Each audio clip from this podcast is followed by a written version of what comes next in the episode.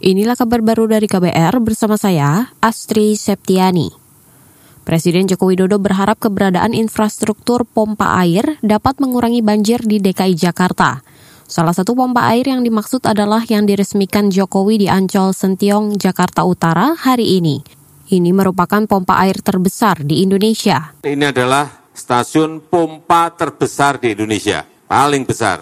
Dan ya menghabiskan anggaran juga sangat besar. 481 miliar rupiah.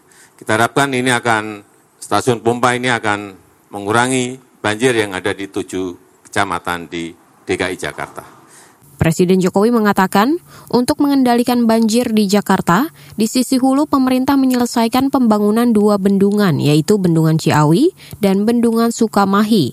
Selain itu, Jokowi mengatakan pemerintah juga menyelesaikan pembangunan sodetan Ciliwung yang akan mengalirkan air dari Sungai Ciliwung ke banjir Kanal Timur.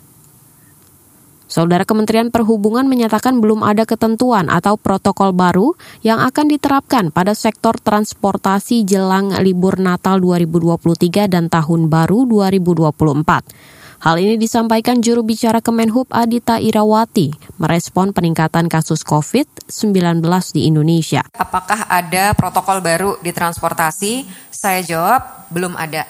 Semua masih sifatnya himbauan, belum ada protokol yang menjadi mandatori bagi para pelaku perjalanan.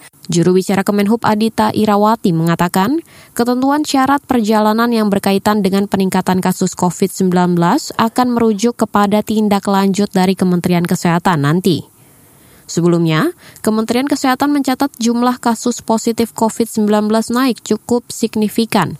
Pada pekan terakhir November hingga awal Desember, jumlah kasus positif mencapai 260-an kasus. Jumlah ini meningkat drastis dibandingkan sebelumnya yang rata-rata di bawah 60 kasus per pekan. Saudara kita ke Aceh. Sedikitnya 135 imigran Rohingya nyaris terlantar di Banda Aceh karena mendapatkan penolakan dari masyarakat. Juru bicara Pusat Pengendalian dan Operasi Badan Penanggulangan Bencana Daerah atau BPBD Aceh Besar Iqbal mengatakan, karena adanya penolakan maka para imigran akan ditempatkan terlebih dahulu di Balai Mesuraya Aceh selama sepekan ke depan.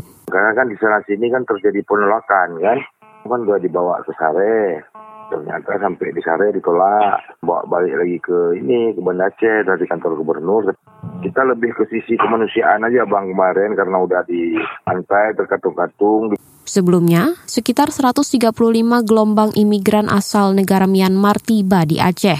Ratusan imigran itu tiba menggunakan perahu kayu dan mendarat di pantai Dusun Lubuk, Desa Blang Ulam, Kabupaten Aceh Besar.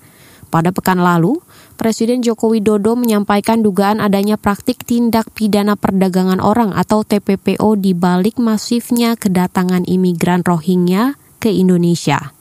Inilah kabar baru dari KBR bersama saya, Astri Septiani.